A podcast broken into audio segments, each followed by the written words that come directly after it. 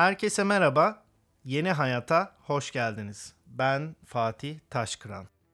Yepyeni bir bölümde ve yine sürpriz bir konukla beraberiz. Bu bölüm benim için de enteresan olacak. Zira yıllardır görmediğim ve çok sevdiğim bir dostumu ağırlayacağız. Mehmet Doğan, Türkiye'de tasarım ve reklam dünyasının yakından tanıdığı, ürettiği birbirinden güzel içerikler ve yazdığı kitaplarla internet kültürüne önemli katkılarda bulunmuş bir isim. Kendisiyle her zaman olduğu gibi hayatın gözümüzden kaçan ilginç yanlarına, maceralarına, zevklerine ve bilmediğimiz yönlerine dair keyifli bir yolculuğa çıkacağız. Neler konuşacağımızı ve yeni neler öğrenip keşfedeceğimizi ben de şimdiden çok merak ediyorum. Ve hazırsanız başlayalım.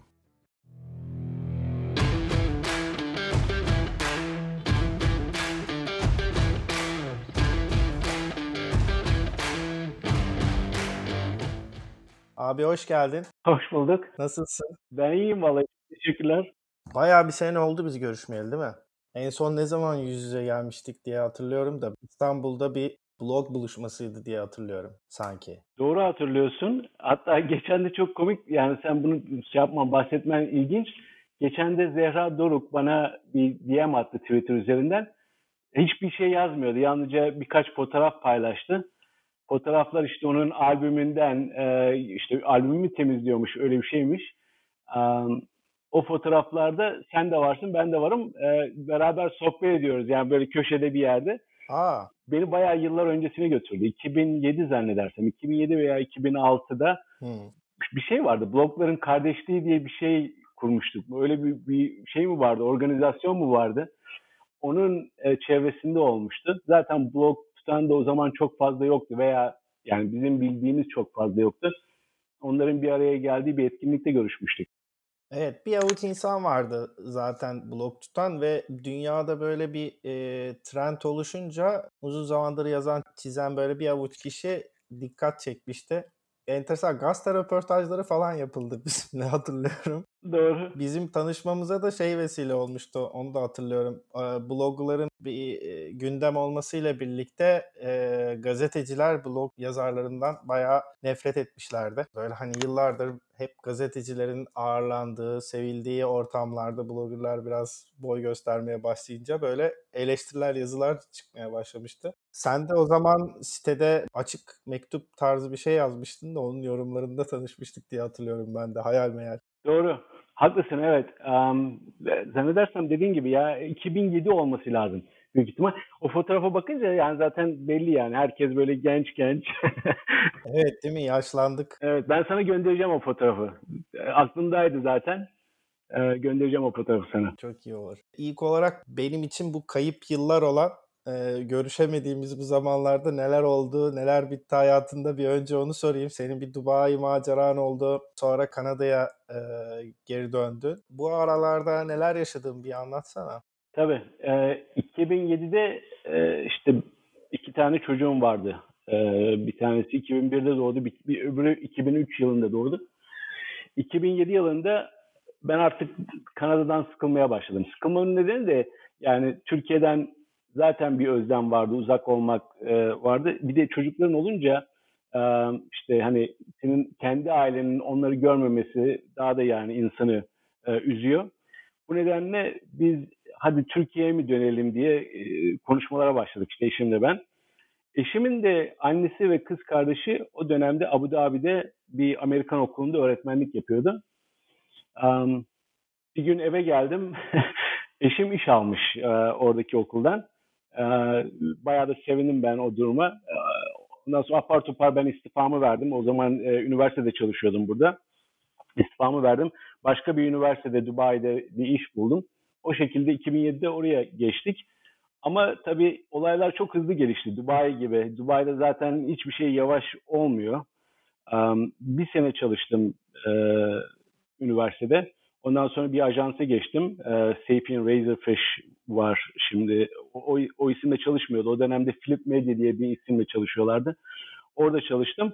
Oradan da e, 2454 diye uzun dönem çalıştığım, belki de kariyerimin en zevkli dönemi diyebileceğim bir dönem e, geçti.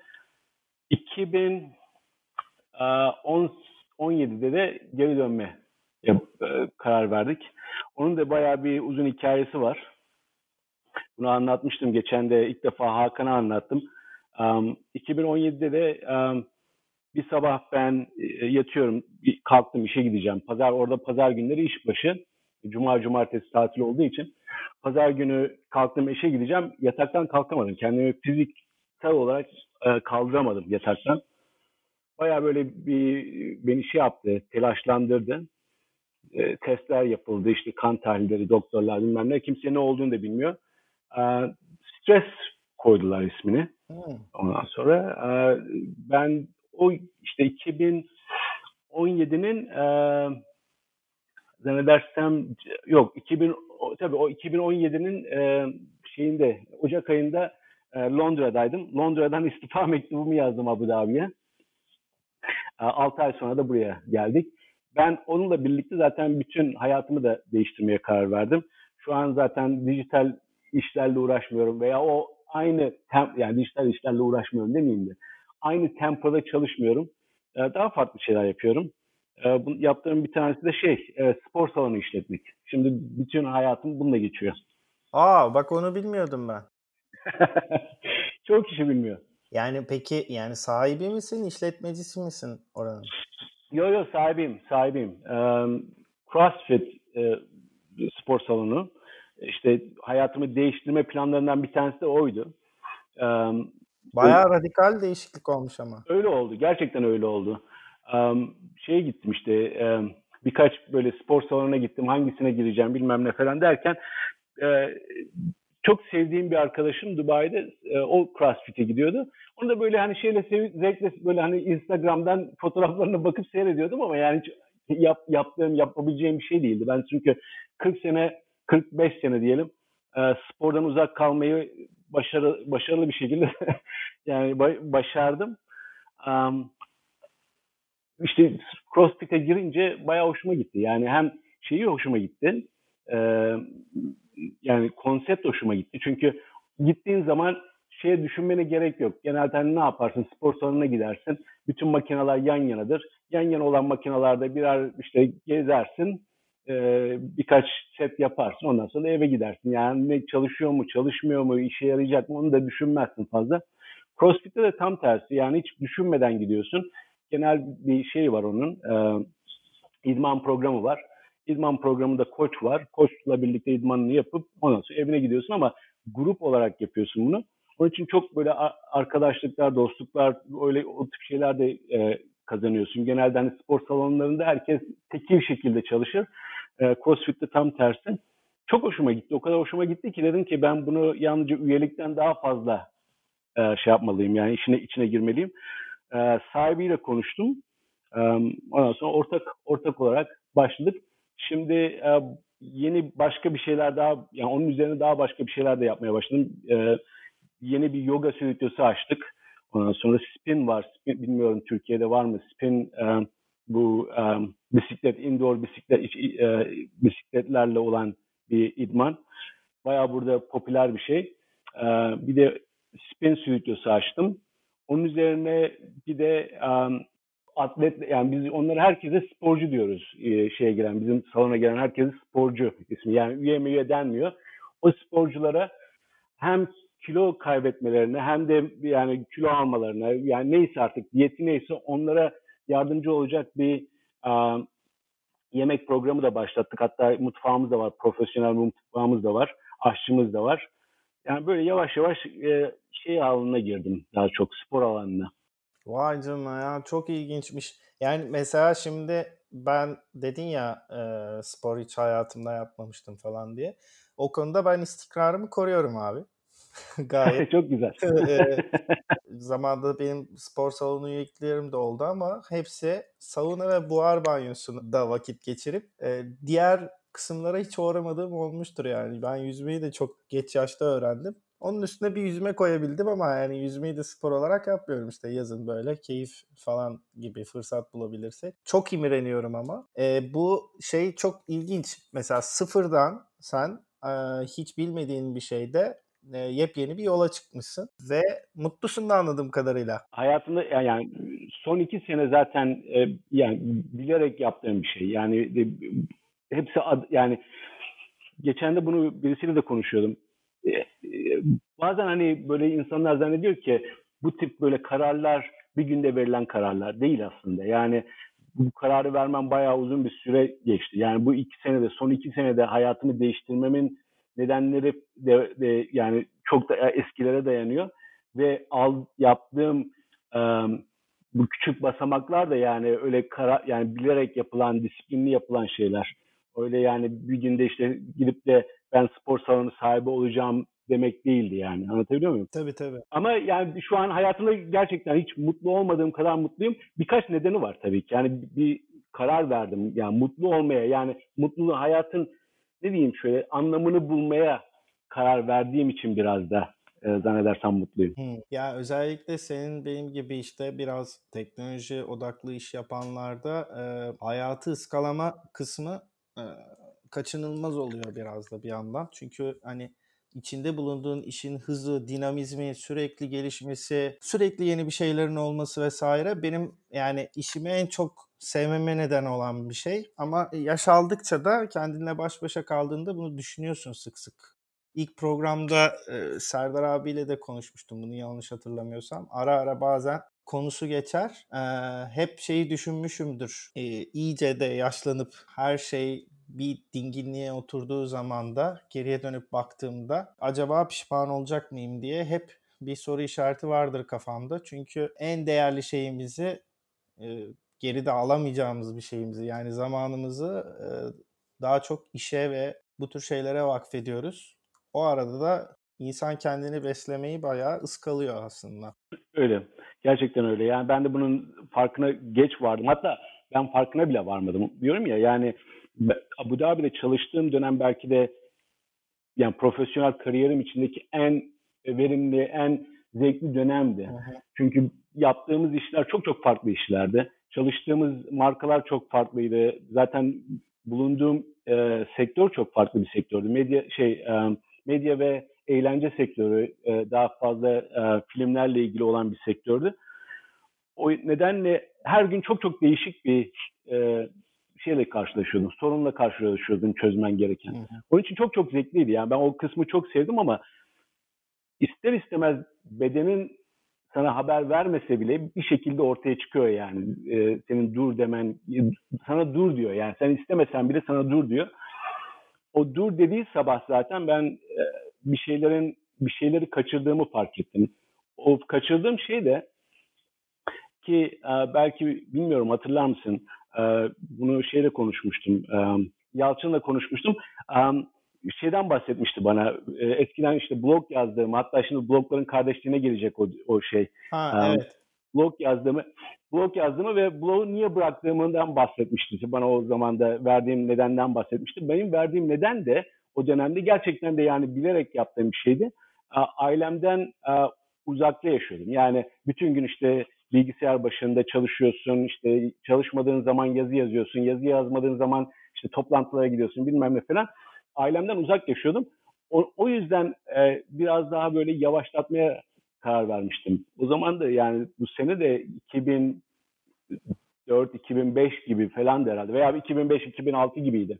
Hmm, olabilir. O zaman başlamıştım yani yavaşlamaya.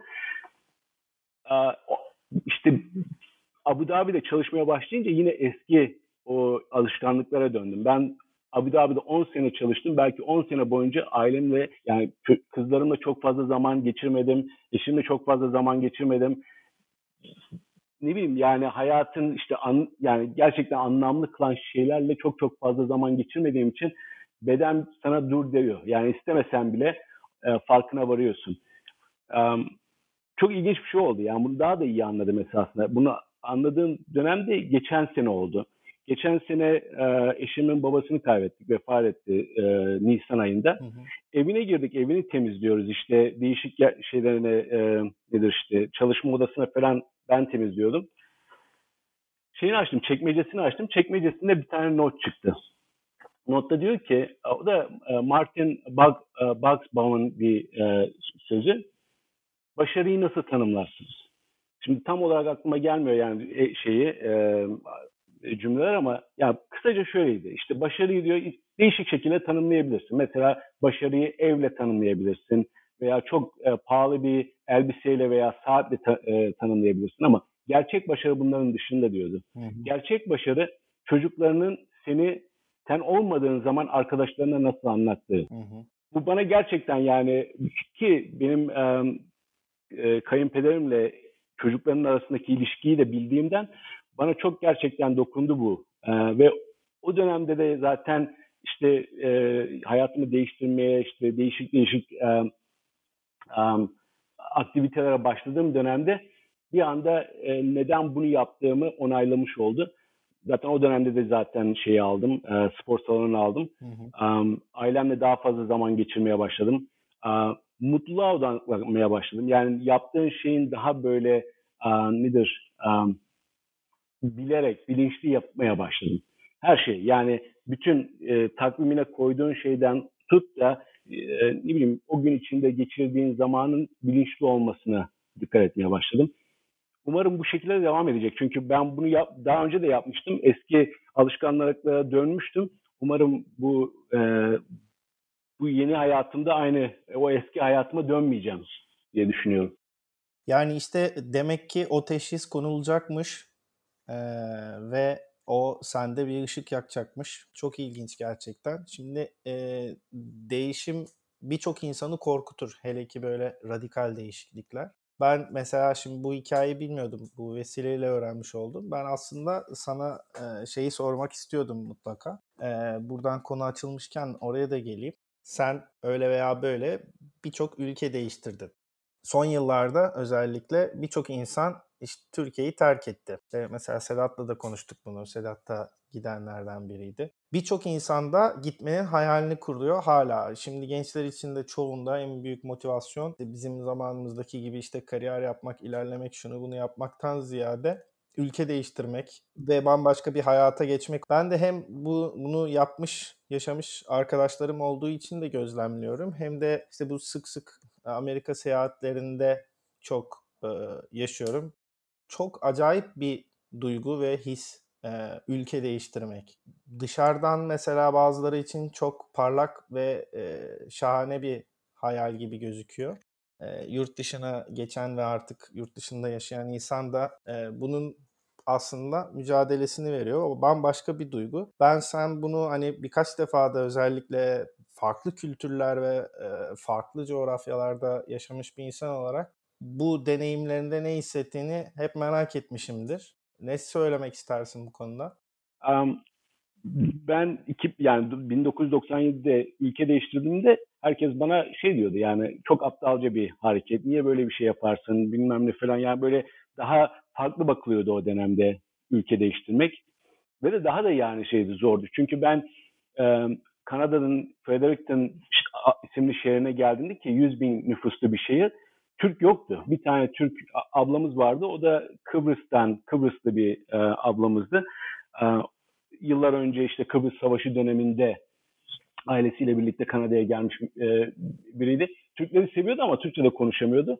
Yani öyle bir ortamdaydı. Ben e, işte Dubai'ye... İnternetin sunduğu olanaklar da yok tabii. Tabii ki. O zaman yani çok ben hatırlıyorum ben e, yani çıldırmıştım 1999'da o deprem olduğunda ben Kanada'daydım. Yani kendimi kaybetmiştim. Çünkü yani insanlarla konuşamıyorsun. Dediğin gibi internet yani her yerde yaygın değil. Zaten telefonlar e, o zaman e, şu olmuştu. Yani kimse kimseye erişemiyordu falan. E, bir tek televizyondan bir şey haber alabiliyordun. Yani buydu. Başka bir şey yoktu. Evet. E, yani böyle Skype'mış işte e, FaceTime'mış falan ya öyle bir öyle bir durum da olmadığından insanlardan gerçekten uzaktın. Yani yalnızca fiziksel olarak değil, her türlü uzaktın. 2007'de işte Dubai'ye gittiğimde bile yani çok durum farklıydı. 2007'de Dubai'ye gittiğimde Türkçe duyduğum zaman dışarıda böyle dönüp bakıyordum acaba kim konuşuyor falan diye. Ayrıldığımda 2017'de yani her gün e, Türklerle görüşüyordun yani bir şekilde. Sokağa çıktığında mutlaka birisini görüyordun veya bir Türk ailesi e, senin yakınlarında oluyordu. Çok çok yani o 2015'ten sonra çok fazlalaştı e, Türkiye'den göç etme. Hı hı. Herkes zannediyor ki yani e, işte dışarı çıktığın zaman çok daha rahat, güzel bir hayat yaşayacaksın ki değil yani. Bu ben bunu daha önce blogumda da yazmıştım. Evet hatırlıyorum. Herkese evet, herkese göre bir hayat değil. Çünkü um, gözden uzan, uzak olan, gönülden de uzak olur kelimesinin gerçekten ne kadar doğru olduğunu anlıyorsun bir anda. Hı hı. Çünkü sen burada hayatını yaşarken e, insanlar yani bıraktığın insanlar, geride bıraktığın insanlar da kendi hayatlarını yaşıyor ve de sensiz yaşıyorlar o hayatları. Yani senden uzak yaşıyorlar. Bir anda geri döndüğün zaman yani bir sene bir sene içinde belki hani bir haftalığına, iki haftalığına geri döndüğün zaman birçok şeyden uzaklaşmış oluyorsun. Onların birlikte yaşadığı birçok işte düğünmüş, cenazeymiş veya küçük sohbetlermiş bunlardan uzak oluyorsun. Bir anda şakaları anlamamaya başlıyorsun. Bir anda şarkılar sana bir ifade etmiyor. Yani mesela ben işte Twitter'da giriyorum. Bazen e, işte millet ne bileyim bir şeyden bahsediyor, sanatçıdan bahsediyor veya bir aktörden bahsediyor. Bana hiçbir şey ifade etmiyorsa veya bir şarkıdan bahsediyor bana hiçbir şey ifade etmiyor. Çünkü yani normal hayatından uzak olduğu için bunlar hı hı. Yani şey var uzak olmak var. Yani uzak olmanın da yalnızca fiziksel olarak olmaktan daha farklı bir uzak olmak var ki bu çoğu insanı zor bir şeye sokuyor. Yani ikileme sokuyor. Acaba Türkiye'de mi kalacaksın? Yani beynen yoksa kalmayacak mısın? Çünkü ikisini bir arada götürmek yani Almanya gibi belki yerde do- kolay olabilir ama Kanada veya Amerika'da bayağı bir zor. zor. Yani aslında başka bir ülkeye geçtiğin zaman bir nevi kendini de resetlemen gerekiyor ya da adapte olman gerekiyor. Adapte olamayıp arada kalmışlık çok kötü bir şey. Yani ben birkaç tanıdığımda da onu gözlemliyorum. Birçok mesela arkadaşım yurt dışında yaşayan benden daha çok Türkiye gündemine hakim ve takip ediyor. Ben bazı şeyleri onlardan öğreniyorum. Yani burada biz atıyorum ünlü birisi ölmüş, bir şey olmuş. O söylüyor da duyuyorum. Hep e, bahsettiğimiz o ikilemi yaşamaktan kaynaklanıyor muhtemelen. Evet. E, bir de şey de var. Yani yeni göçenlerle eski göçenler arasında da çok fark var. Dediğim gibi ben eskiden beri yani çok yıllar öncesinde göç ettiğim için Türkiye'den o zorlukları çok iyi biliyorum. Yeni göçenler hemen Türkleri buluyorlar. Yani burada zaten yani Halifax küçük yer. Ben buranın muhtarı gibiyim yani. Hemen telefon açıyor. Buraya kim gelirse ilk önce beni buluyorlar bir şekilde. Ya Facebook'tan bir yerden. İşte yani başka yabancı bulmak yerine beni buluyor. Çünkü on, o insanlara o rahatlık veriyor. Yani başka bir Türk'ün olması, Türklerle birlikte olması rahatlık veriyor ki yeni göçen Türklerde de bunu görüyorum. Yani e, genelde lokal arkadaş edinmiyorlar. Yine Türklerle görüşüyorlar. Yine Türklerle sohbet ediyorlar. Onlarla işte misafirlikleri falan var. E, onun için yani benim deneyimimle yeni göçenlerin deneyimi biraz daha farklı. Bence daha da zorlaşıyor onlar için. Yani böyle kendi kalelerini kurması burada.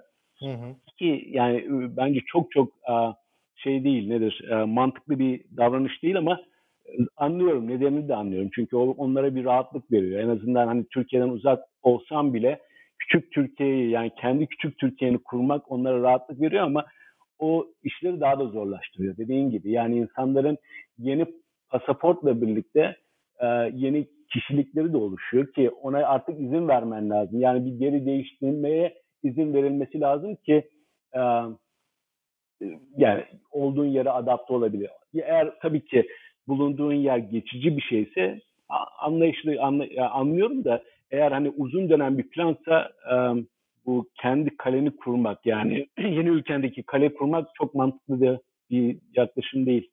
Evet doğru söylüyorsun. Peki bu şimdi radikal değişimden sonra yeni hayatta diyelim programın ismiyle de çok e, müsemma bir durum oldu. E, belki değişmiştir zevklerin vesaire ama genel olarak senin hayatın basit zevkleri arasında çok sevdiğin, vazgeçemediğin, uğraştığın şeyler var mı? Ben hala yani yani dijital yani dijital pazarlamayla zaten uğraşıyorum ama kendim seçiyorum artık ne işle yaptığımı başkası seçmiyor. Ben kendim seçiyorum. İşte bu spor salonunda da benim ortak olmamın en büyük nedeni de büyütebileceğimi, işi büyütebileceğimi, onlara yarar sağlayabileceğime inandığım için ortak oldum.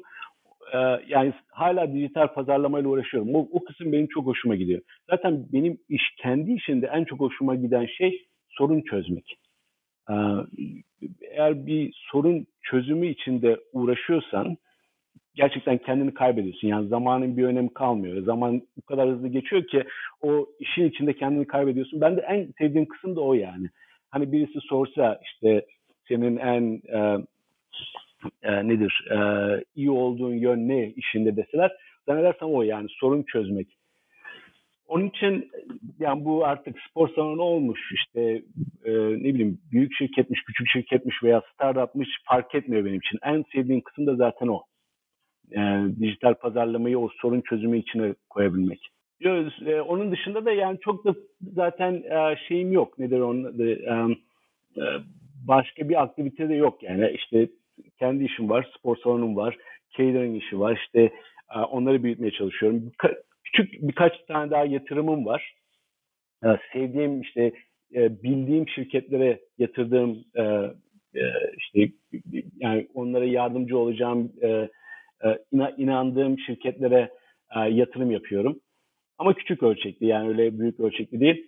Bunlardan bir tanesi Texas'ta mesela diş hekimlerine dashboard üreten bir şirket falan. Yani böyle çok garip yerlerde çalışmayı seviyorum. Yani ne kadar eğer işi bilmiyorsan o kadar sorunla karşılaştığın için yani kendi biraz da bencil nedenlerle zannedersem bu işleri yapıyorum.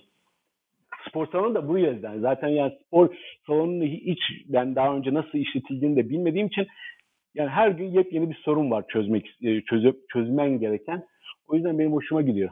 E, tüm bunların kökeninde iflah olmaz da bir merak duygusu var sanki. Öyle seziliyorum. Yani problem çözmek ve e, yeni hiç bilmediğin bir alana odaklanmak biraz da merakın sonucu olabilir gibi geldi bana. Büyük ihtimal doğru. Yani merak eğer tabii ki merak etmezsen e, zaten yani bizim insan gerçi insanoğlunun hepsinde var. Herkeste merak olayı var. Yoksa merak etmeseydik hala, hala mağarada olurduk herhalde. Yani çıkmazdık o mağaradan. Kimse bir şey bulmazdı. Herkeste merak var da işte merakının yani şeyini bulmak lazım. Yani bilinçli merak da çok önemli bir şey. Yani her şeye merak edip de dalmak da belki tehlikeli olabilir de benimkisi herhalde bilinçli e, bilinçli bir merak. Yani 2017'de verdiğim yani Kanada'ya geri dönme e, verdiğim karar içinde belli bir şeylerim vardı. Yani e, nedir? Bunu yapacağım, şunu yapacağım diye bir takvimim vardı. Hı hı. Spor salonu o işin içine yani girdiği için, o o e, o çember içine girdiği için zannedersem merak ettim. Anlatabiliyor muyum? Yani evet. merak ettiğim için almadım da spor salonu o merakı e, daha da şey yaptı, ateşledi zanneder. Biz e, bizim ülkemizde biliyorsun merak törpülenen bir duygudur. Sevmezler çok meraklı olmayı. Tabii tabii canım işine bak, işine bak olayı vardır. E, başka laflar da vardır kötü merakla ilgili. Peki abi senin bir de e, iyi bir hikaye anlatıcılığı durumun var benim gördüğüm. Yani geçmişte bu en çok yazılarınla fark edilen bir şeydi. Sonra beni çok şaşırttın bir roman yazarak. Ondan bahsetmeden geçmek istemedim. Çok iyi hatırlıyorum hatta çıktığı zaman da ben çok heyecanlanmıştım. O zamanlar bir mecramız vardı bizim. Orada da bir tanıtım yazısı yazmıştım hatırlıyorum. Coşkulu bir şekilde. O roman fikri nereden çıktı? Yani ben biraz kökenini biliyorum ama sen de anlat isterim. E, öykü anlatıcılığı kısmında ben yani yaz, ben yazmayı daha çok seviyorum. Yani yazarak anlatmayı daha çok seviyorum. Esasında konuşarak çok fazla konuşkan birisi olmadığım için hatta insanlarla da çok konuşmadığım için e, içime kapalı bir insanım. İçine kapanı insanlar da içine kapalı olsalar da içindeki hikayeleri çıkartacak bir mecra ararlar. Benim için o mecra yazmaktı. Evet. E, yıllar önce işte e, bir hikaye vardı aklımda. Bu hikayenin de esasında büyük bir kısmı esas başımdan geçen veya arkadaşlarımın başından geçen bir hikaye. Üniversite yıllarında başımızdan geçen birkaç hikayenin birleşimiydi. Ee, senaryo yazmak istedim o hikayeyle. Oturdum. Bayağı da işte senaryo yazdım. Fredericton'daydım o zamanlar. Senaryo bitti. Ee, ondan sonra işte bunu artık şey yapmak lazım. Bir film haline getirmek lazım diye düşündüm. Kanada'nın işte küçük bir şehrinden İstanbul'da bütün bildiğim herkese gönderdim. Tabii ki kimse geri dönüş yapmadı. Böylece anladım yani film sektörü çok farklı bir sektör. Yani içinde yetişmen lazım, insanları bilmen lazım.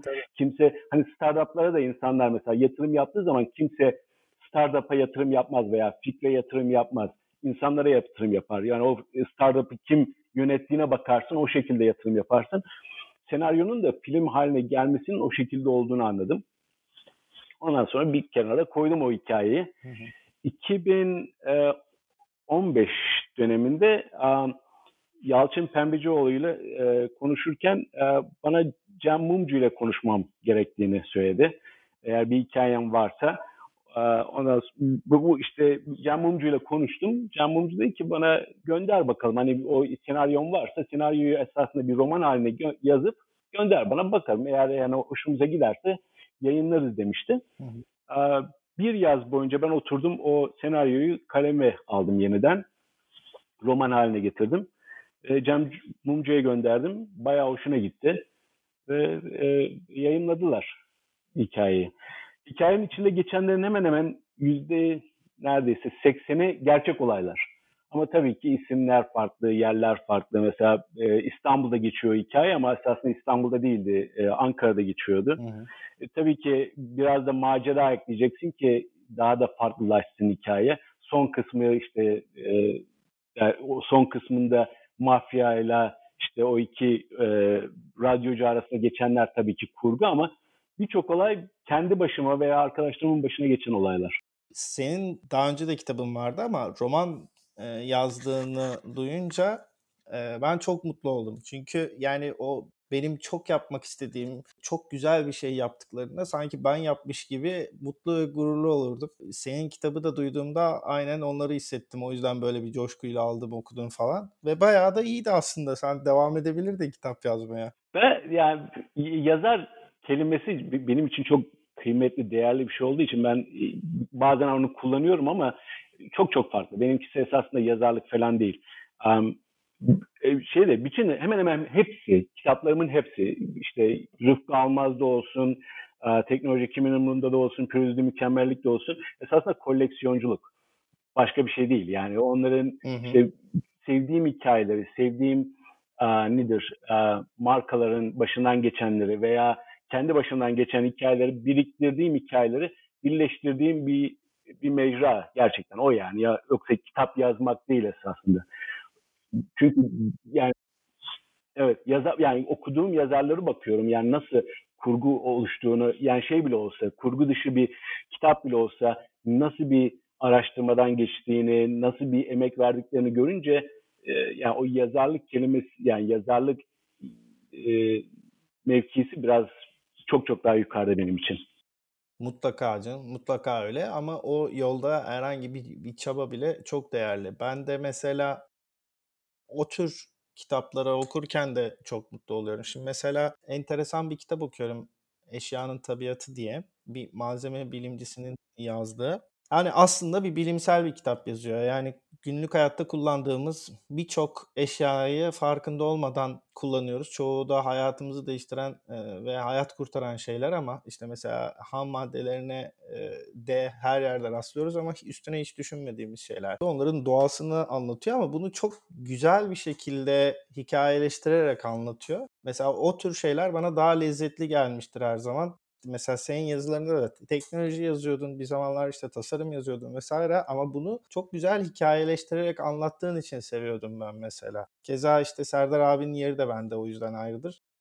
Peki bu şu aralar yaptığın işlerde de o e, eski yeteneklerini kullanıyor musun arada? Çok fazla değil. Ee, dediğim gibi yani şey e, bir de yazmak da çok yani kendi dilinde yazmak farklı bir şey. Yani ben yıllardır İngilizce konuşuyorum ama Mesela İngilizce aynı şekilde yazabilir miyim? Büyük ihtimal yazamam. Yani yazabilirim de aynı duyguyu vermez.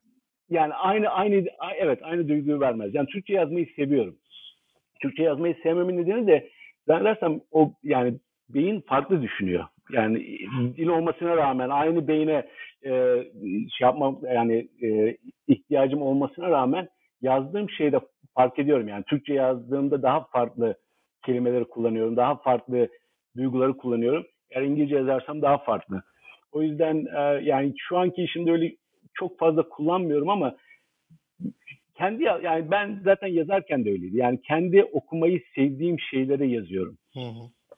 Aa, ve okuduğum şeyler de yani bu da eğer e, yani kitaplara şu an şu, önümdeki kitaplara bakıyorum. Hemen hemen hepsi de yani e, kurgu dışı kitap olmasına rağmen hikayeci şekilde yazan kitaplar. Yani kimse böyle teknik olarak yazan bir zaten şeyi nedir e, yazarı da okumayı çok sevmediğim için e, mesela Malcolm Gladwell'in o hikayeciliği benim çok hoşuma gider mesela. Onun için e, onun yeri ayrıdır mesela.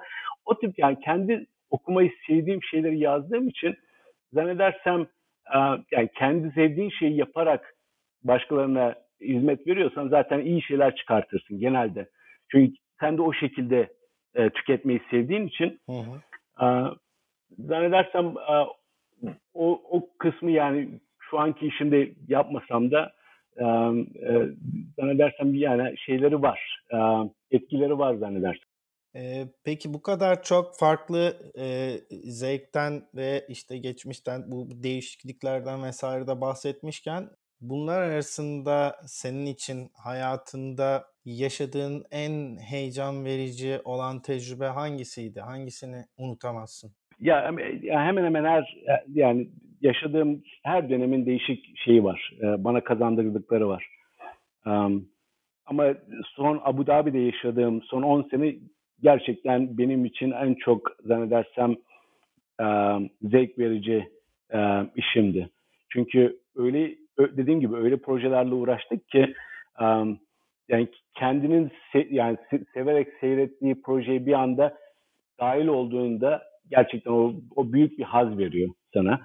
Um, 2454'da çalışırken işte Star Wars olsun e, ne bileyim Netflix e, birkaç tane Netflix e, filminde uğraştık e, yani çalıştım um, e, Apple e, bir şey kurduk. Um, e, Ubisoft benim çok sevdiğim bir şirkettir. Ubisoft'la birlikte um, bir um, gaming akademi kurduk. Oyun akademisi kurduk.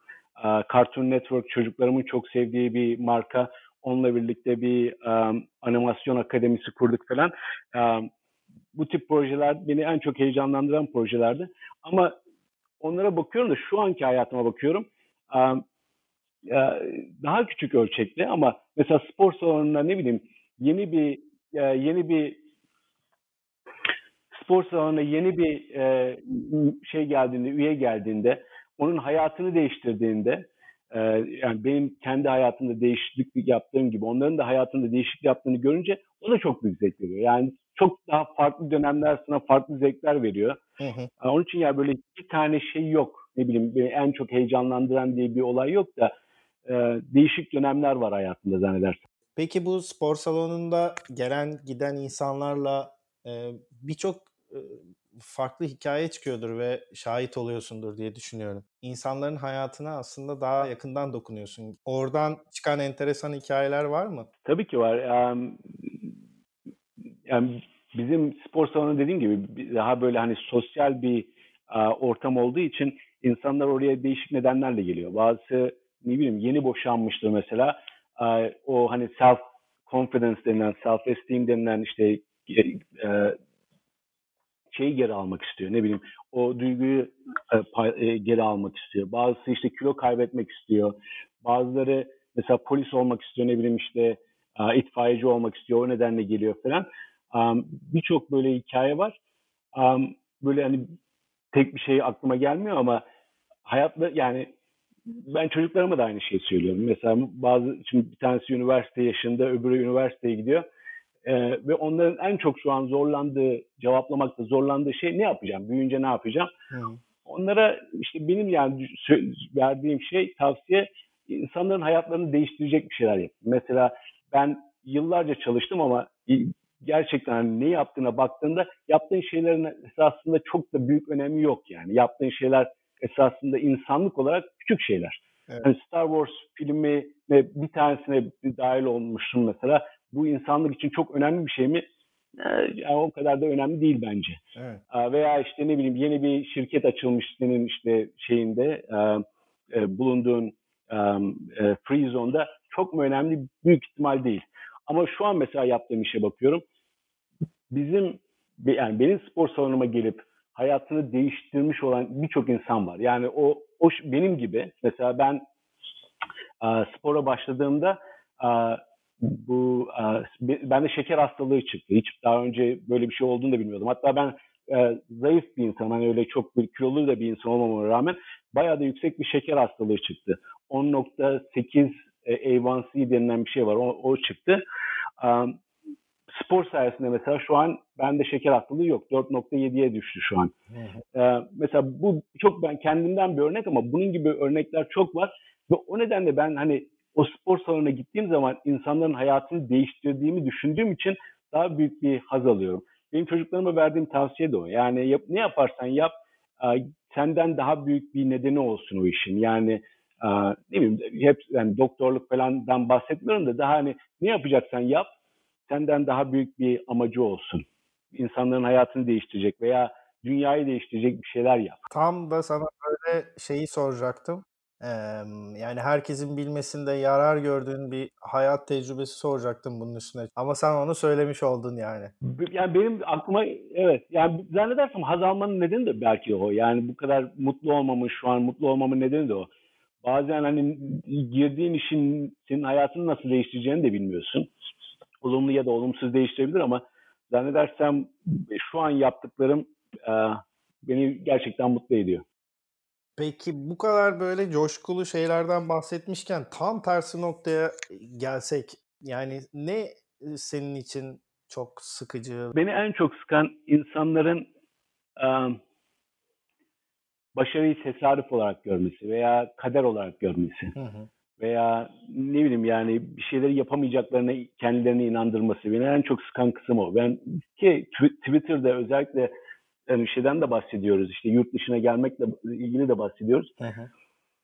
Bana e, e, haftada en az 10 tane e-mail geliyor. İşte yurt dışına nasıl geçebiliriz, yurt dışına nasıl geliriz, Kanada'ya gelmenin imkanı var mı, orada çalışabilir miyiz falan gibi bir dolu e-mailler geliyor. Benim onlara cevabım da hep genelde aynı onların cevabı da genelde işte coğrafya, kader bilmem ne falan da e, devam ediyor. Hı hı. İşte biz yani kaderimizden gelemiyoruz falan gibi. E, hatta ben geçen de bunu şeyde yazdım. Twitter'da da yazdım. Geçen de coğrafya e, kader değildir dedim. Hatta sen de bu konuda e, yorum yazmıştın. Hı hı. Onlarca kişi kızdı söyle, söylediklerimi. Sanki İstanbul bizim beynimizin yarattığı bir şey değilmiş gibi. Hı hı sanki halen yani deri ile demir arasındaki yani bir fark varmış gibi. Yaşadığımız her gerçeklik aslında bizim kendimizin tasarladığı, neredeyse e, yüzde yüz hakim olduğumuz bir gerçeklik. Ben bunun tersini duyduğumda canım sıkılıyor. Yani gerçekten e, bir coğrafyada aslında herhangi bir aileye doğmak tesadüf. Onun dışındaki yani gerisi tamamen sana ait şeyler. Hı hı. Hatta çok sevdiğim bir um, e, podcastçi e, Tom Bilyeu var. O diyor ki yaşadığın hayat e, yaptığın seçim ve aldığın kararların birebir yansımasıdır diyor.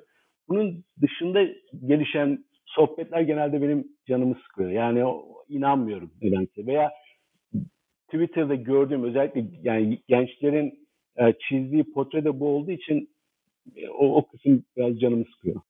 Anladım. Eee, bu coğrafya kadar mevzusu bayağı derin mevzu. Ben onu, eee, mesela şeyken, eee, ergenlik zamanlarımda ve, işte, ilk gençlik zamanlarımda şeye kadar indirgemiştim. Hangi beşikte doğduğunla alakalı.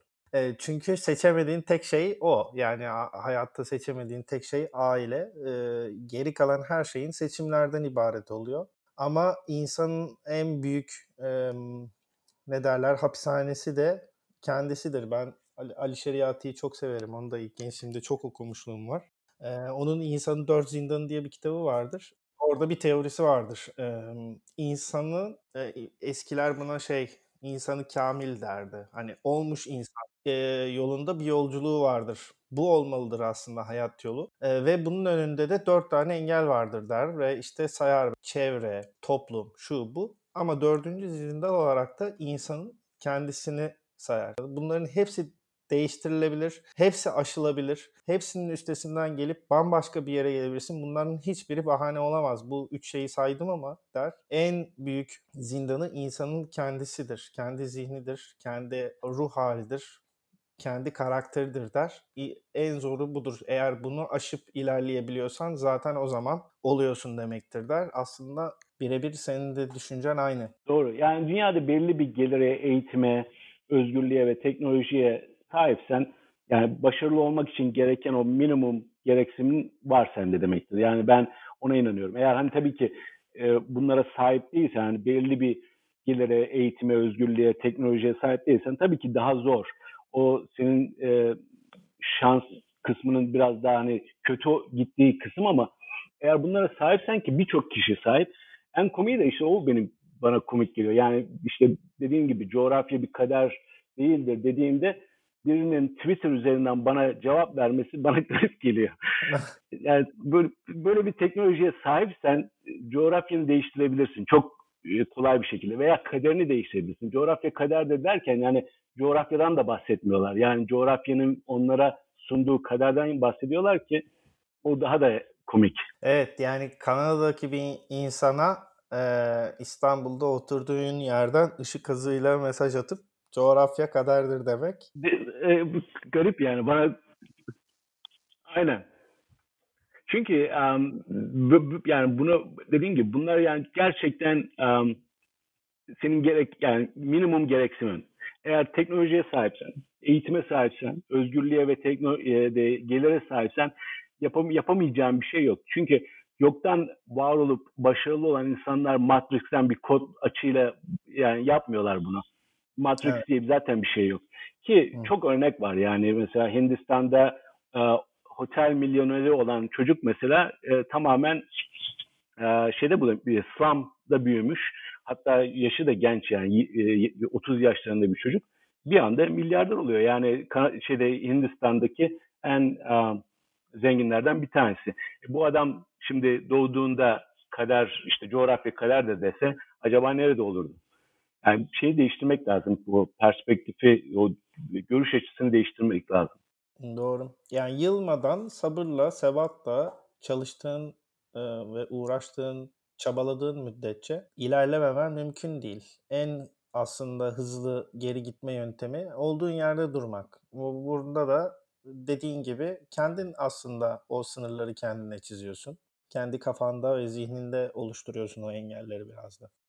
Bu kadar merak ve şeyden de bahsetmişken son olarak da bir onu sorayım. Senin için hala böyle gizemli kalmış bir konu var mı? Merak ettiğin, çözemediğin böyle yıllar ya da sana esrarlı gelen yıllardır. Çok var. Esasında da um, şey düşünüyorum yani e, onu e, bana şey sorduğunda şimdi aklıma da geliyor yani benim en çok hani gizemli en çok heyecanlandıran şey ne diye sorduğunda aklıma geldi de e, geçen de şeye gitmiştik geçen sene e, Grand Canyon'a gitmiştik Amerika'da ailemle birlikte tatile gittik. Grand Canyon gerçekten benim hayatımı değiştiren yerlerden bir tanesi.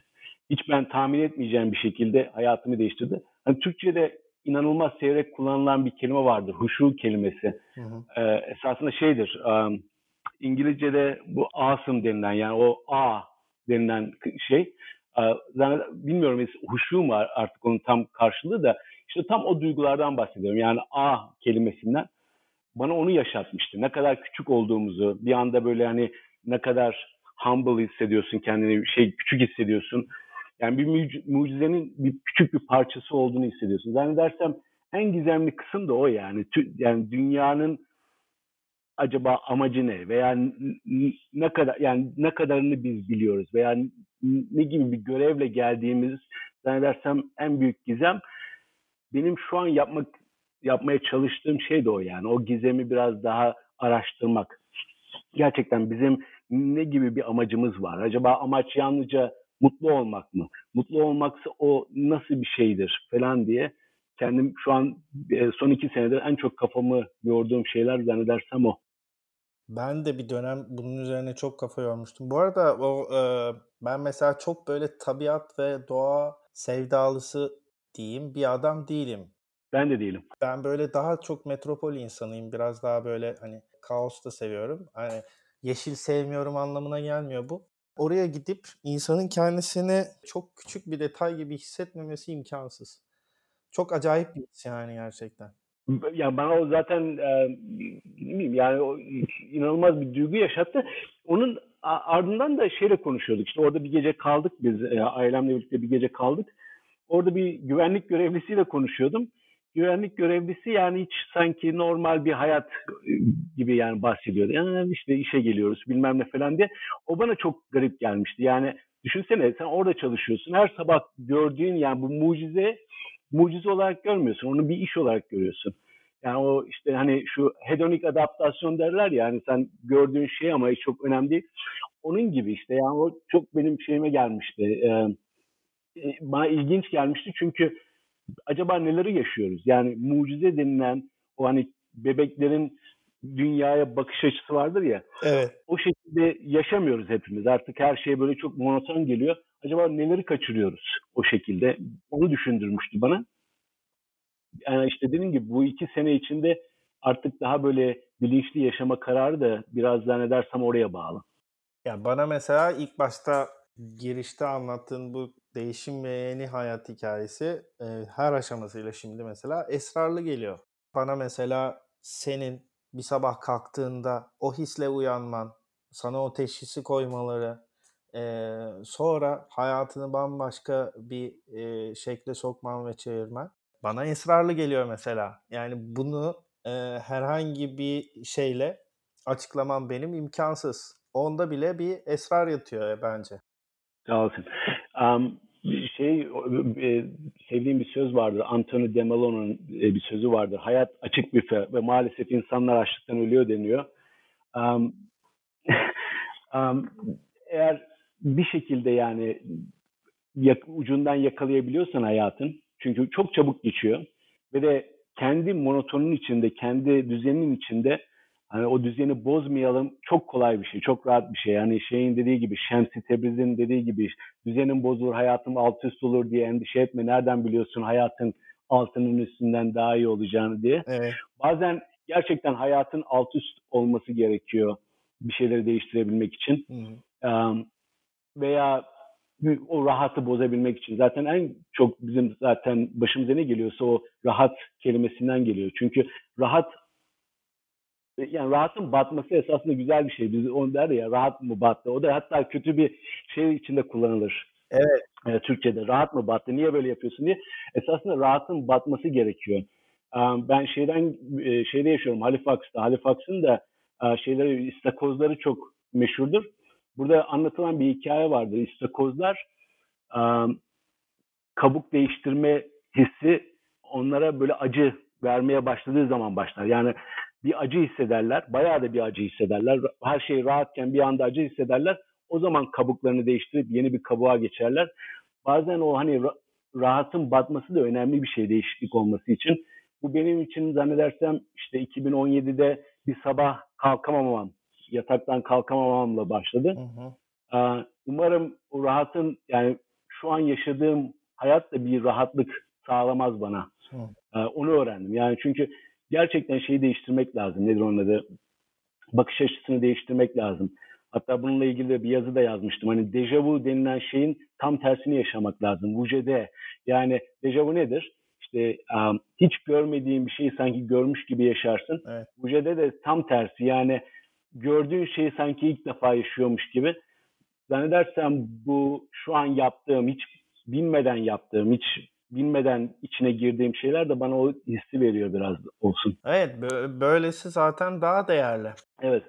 Benim için öyle en azından yani benim e, yaptığım o verdiğim kararların doğruluğunu gösteriyor bana. Dediğim gibi ama yani bu rahatın batması önemli bir şey. Ondan sonra umarım yani bu bana rahatlık sağlamayacak. Belki de bir sonraki daha işte nedir alt üst olmasına neden olacak. Ki o zaman da değişiklik oluyor. Evet, evet. Abi çok teşekkür ediyorum katıldığın için. Ben teşekkür ederim Fatih. Ta uzaklardan, kalar ötesinden vakit ayırdın. Ağzına sağlık. Yıllar sonra sesini duymak da çok güzel geldi. Çok sağ olasın Fatih. Aynı şekilde. Çok keyifli bir oldu benim için. O zevk bana ait. Eminim dinleyenler de aynı zevki alacaklardır ve buradan bayağı bir ders çıkaracaklardır diye düşünüyorum. Umarım. Çok teşekkürler tekrar. Ben de teşekkür ederim. Görüşmek üzere Fatih. Evet, bir bölümün daha sonuna geldik. Tahminimin çok ötesinde enteresan bir bölüm oldu.